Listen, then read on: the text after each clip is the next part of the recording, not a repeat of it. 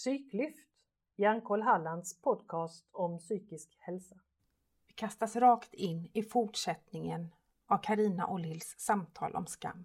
Vad, vad är det för, alltså, eh, hur, hur har du hur har du tagit dig ur de här eh, skam, skamtankarna? Eller vad man ska kalla det för.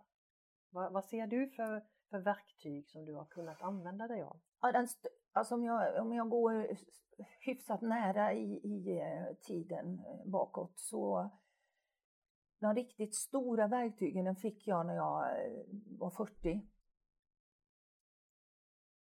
40 plus ett någonting eller så. Och då fick jag, jag blev remitterad, jag har ju flyttat runt då naturligtvis. Jag har ju gett mig ut, jag har ju verkligen utsatt mig för situationer så som du inte kanske har gjort på samma vis. Men jag har ju varit den här utåtagerande, jag ska minsann klara. Mm. Jag ska minsann visa att mm. jag kan och att jag kan göra tokiga saker istället eller att jag flyttar eller så. Och så det har jag gjort. Så 2002 blev jag remitterad till eh, tillbaka får jag väl säga till Marks kommun var det då. Eh, jag hade bränt mina broar för 51 gången i mitt liv och då var det riktigt illa. Men då blev jag remitterad och fick så småningom någonting som heter DBT som står för dialektisk beteendeterapi. Den är speciellt, den, ursprungligen den kommer ju från KBT, den kognitiva beteendeterapin.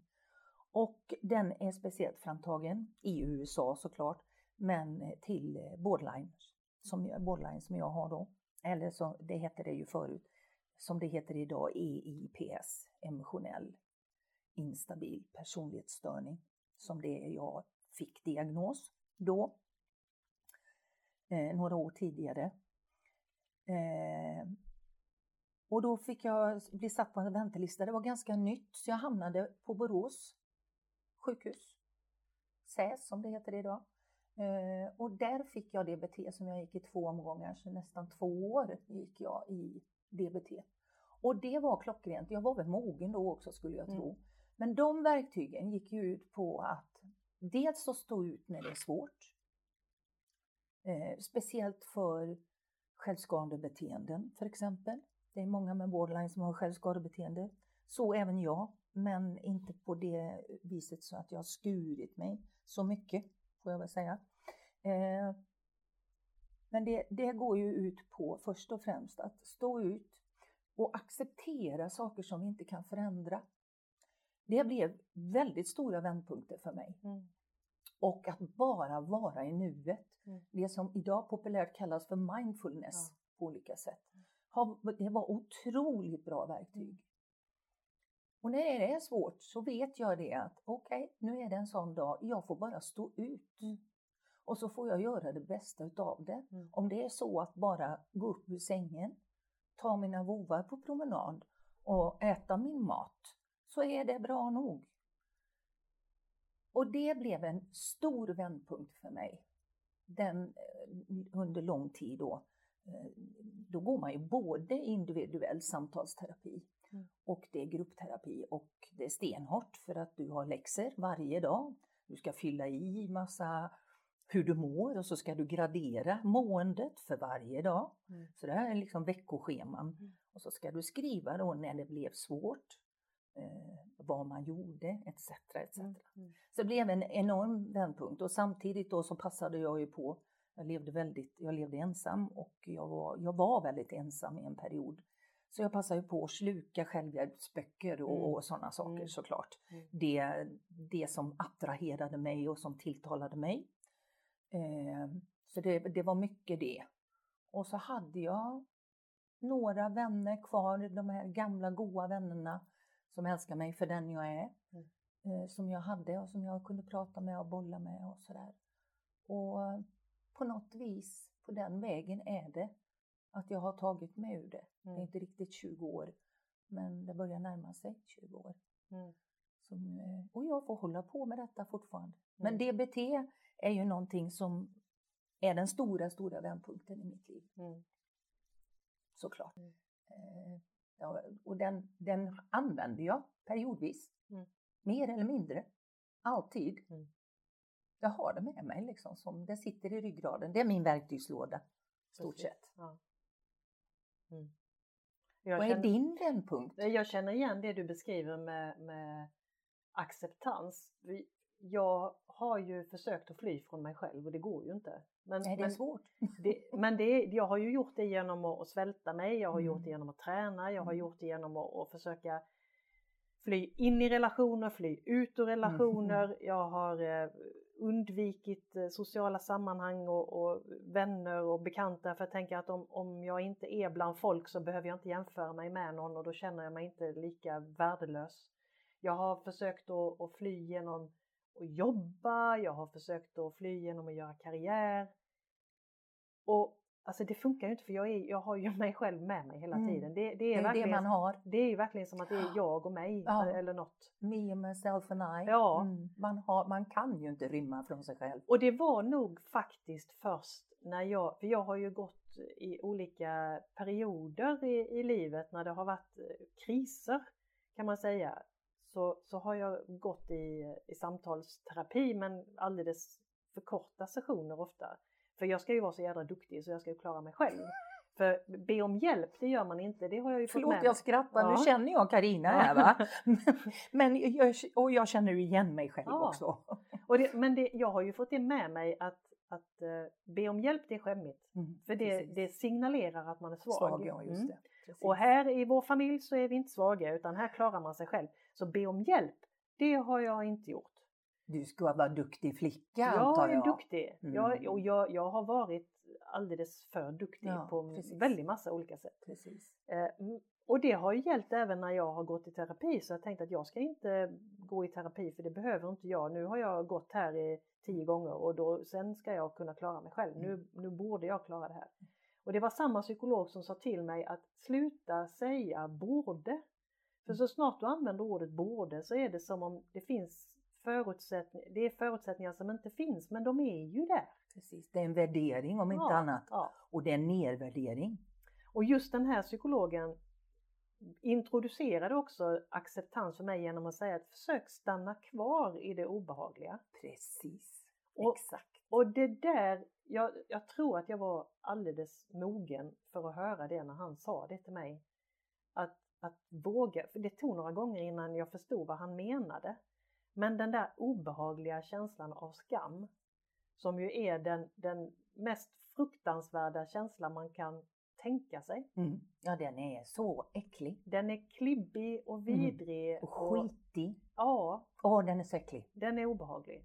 Och att stanna kvar i den känslan var ju ingenting som kändes tilltalande på något sätt. Men jag har ju insett att så länge jag flyr från den så skriker den bara högre. Just det. Så länge jag försöker fly från min egen röst som säger till mig hur dålig jag är så försöker den bara skrika ännu Ännu högre.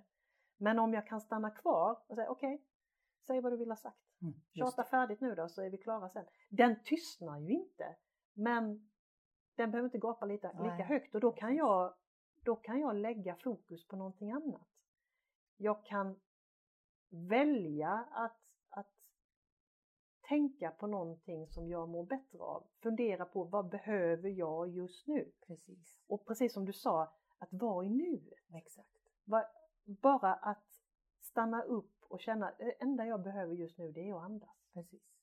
Men då tar man ju också kontrollen Ja. över sig själv. Ja. Man låter inte känslan ta kontrollen över dig, för det där känner jag igen. Mm. Känslorna har ju tagit, jag har låtit känslorna, och det gör jag fortfarande, det är det som är borderline eller EEPS då. Alltså att känslorna styr Mm. mig Mm. och hur jag ska må. Mm. Med att ta kontrollen igen över sig själv och över de här inre rösterna och över de här känslorna som styr en. Så kan man bli den som, det är jag som kör den här bilen nu. Precis. Det är jag som är the skipper Mm. on the boat. Men det är också, det är lite som Nalle Puh säger att, att om du inte vet var du ska hän så är det svårt att komma fram. Just det. Han säger inte exakt så, Nej, men någonting åt det hållet. Men, men det handlar ju också om att, att fundera ut vad är mina värderingar, vad tycker jag om, vad, vad vill jag? Och har jag inte gjort det så blir det väldigt svårt att stanna kvar i nuet också Mm. och att, att känna att det här är okej för, för jag är som jag är och, och så får jag vara. Precis. Jag behöver på något sätt eh, bli vän med mig själv och, och jag vet det finns ett verktyg som jag har haft fantastisk nytta av eh, som jag tror att jag nosade upp på, i, på olika fronter ungefär samtidigt så kom jag i kontakt med ett begrepp som kallades självmedkänsla. Eh, och det handlar ju om egentligen att vara snäll mot sig själv. Eh, att våga, Precis. Våga säga till sig själv att det är okej. Eh, det får lov att göra ont. Det, det gör ont att vara människa. Mm. Eh, det får lov att göra det ett tag. Att man liksom, att jag själv är den som, som blåser där det gör ont, som Mm. blåser på det onda stället. Det. För jag behöver trösta mig. Jag kan inte förvänta mig att någon annan ska Nej. fylla mitt stora svarta hål som jag har inom mig. Jag behöver trösta mig själv. Exakt. Vem ska trösta knyttet? Ja men det är ju jag, Ja, för det, det är liksom, det finns ingen annan här. Och den där självmedkänslan, då, då hette det någonstans att du ska ha samma medkänsla med dig själv som du skulle ha med någon annan människa som står dig nära. Och den, jag vet att jag blev så förbryllad då för jag tänkte att ja men jag har ju inte medkänsla med någon annan heller för jag har aldrig fått lära mig hur man gör det. Nej, Jag har fått lära mig att vara snäll och duktig. Det var väl just det där som min mor inte kunde ge mig. Mm. För hon hade inte fått det själv. Hon blev ju lämnad och Mm. hon hamnade sen som fosterbarn hos ett syskonpar. Och där fanns ju inte den föräldrar-barn-relationen eller anknytningen heller. Så hon hade liksom ingenting att relatera till och det kan jag ju se idag. Mm. Men det var ju någonting som, som skadade mig ganska djupt naturligtvis. Och vi fick lära oss att eh, vi skulle vara duktiga och vi skulle vara tysta och snälla. Och i snäll så var, låg det då att man var duktig och tyst Mm. eh, och visste sin plats. Mm. Men, men det där med medkänsla eller omtänksamhet eller regelrätt vänlighet och så, Mm. det var ingenting, alltså det var inte det som låg i begreppet snäll Nej, när jag var liten, utan vet hut, det var det som var Precis. att vara snäll. Mm. Så självmedkänsla, det blev en, en verklig vändpunkt för mig och ett, ett verktyg som jag fortfarande jobbar med, eh, om inte varje dag så flera gånger i veckan. Just det. Att eh, tillåta mig själv att stanna upp och stanna kvar i det som gör ont. Och det fantastiska med det är ju att då försvinner det snabbare än om jag försöker slåss mot det. Exakt, och det är huvudet på spiken. Ja. Jag tänkte också på det. Att just det där när man vågar, för det krävs väldigt mycket mod. Mm. Det har man ju förstått genom dessa år man har jobbat med sig själv.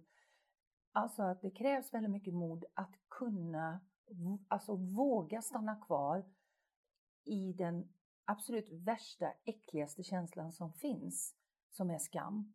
Eller skuld till viss, men skam som vi pratar om här.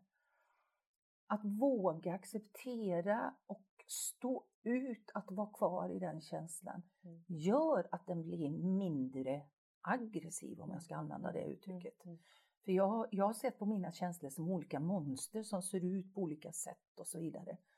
Och skam är ju det absolut den fulaste och största och den vidrigaste utav alla mo- monster. Och det, då blir, den blir inte lika ful på något sätt när man lär sig det. Och det är ju också det som jag sa tidigare om kontrollen. Att man, man har ju faktiskt den makten att så småningom när man börjar komma ur det värsta och lära sig om sig själv, varför och så vidare. Och klarar du att förlåta, visst, det är kanon det med. Om inte för, för personen i frågas skull som har gjort något illa mot en. Om, det är ju mest för min egen skull som man gör det. Men jag tänker också på just att den makten man har, att så småningom man kan lägga saker och ting där det inte blir lika farligt och så vidare. Man kan ju faktiskt, man besitter ju faktiskt den stora kraften att välja sina tankar. Mm. Att välja om de ska vara positiva eller negativa. Mm. Och det är svårt att göra när man är i en depression och det är mörkt och det är tungt. Mm. Och det är strålande om man bara orkar att ta sig upp ur sängen på morgonen. Men vetskapen om att man har den makten Mm. och besitter den alldeles själv. För jag har som du också sökt bekräftelse till leda hos Mm. vissa människor antagligen. Mm. För det, det har bara handlat det om mig. Snälla, snälla tyck om mig. Mm. Speciellt i förhållande till män då, Mm. där jag har varit väldigt Mm. skadad. Mm. Att kan, kan inte bara någon älska mig Mm. för den jag är? Även mina fula sidor. Mm. Och det har jag, jag, jag, har, jag, trodde, jag trodde faktiskt att det var kört för min del. Jag trodde aldrig jag skulle få uppleva det. Men det har jag. Det är 13 år sedan nu. Och det är väldigt häftigt liksom att man, jag kan få lov att vara ful med min tård. Mm. Jag vet, att, eh, inte kanske i stunden tycker han inte att jag är så rolig, men när det väl går över och vi pratar om det så vet jag att han, han, han stannar kvar. Mm. Han sticker inte. Men det är ju den där grundtryggheten. Just det. Att, att känna att det är inte farligt längre, det är okej. Jag är okej. Precis, Ja. och det, det var kontentan Ja. av det jag försöker att säga, kanske lite krångligt, är just det här att, att bekräfta sig själv. Mm. Vilken makt det är. Att inte söka den utifrån, utan att man kan faktiskt bekräfta, man kan klappa sig själv på skuldran ibland och säga lill fasen, det här gjorde du bra. Eller vad, vad bra du skötte den här, den här eh, konflikten eller vad det nu kan vara för någonting Mm.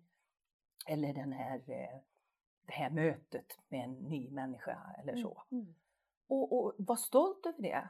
Och det kan jag idag, Mm, till, i mina goda stunder. Ja. Vad gott. Det är så skönt. Ja. Och på det viset, det är så man stärker sig själv. Mm. Det är så man stärker både sin självkänsla och självförtroende, Men det, har, du all, har du aldrig känt det där att, att det är floskler liksom? För det, jag, jag vet att jag har hört om till exempel att man ska se att glaset är halvfullt istället för halvtomt när det egentligen är lika mycket i det. Och, och det känns som att ja, ja, ja, det vet jag väl allt det där. Men för mig blev det som att med självmedkänsla och med, med de här, jag har också läst hyllmeter med självhjälpsböcker. Mm. Men med hjälp av dem så plötsligt så trillade polletten ner vad det begreppet faktiskt betyder Mm. på riktigt. Mm. Det fick en betydelse för Mm, mig. mm. Så, så nu känns det nästan som, ja men jo men det, det är väldigt fint det där med att tänka på att glaset är Mm, halvfullt. Visst finns det Innan floskler. slängde man sig med det Ja, men, oh ja. men nu är det... Det var väldigt modernt ett tag också. Ja, Visst, alltså vissa grejer, det beror lite grann på vem det är som säger det, eh, beroende på vem det kommer ifrån. Men visst kan det vara klyschigt. Ja. Eh, gud ja. Fortsättning följer. Missa inte nästa avsnitt.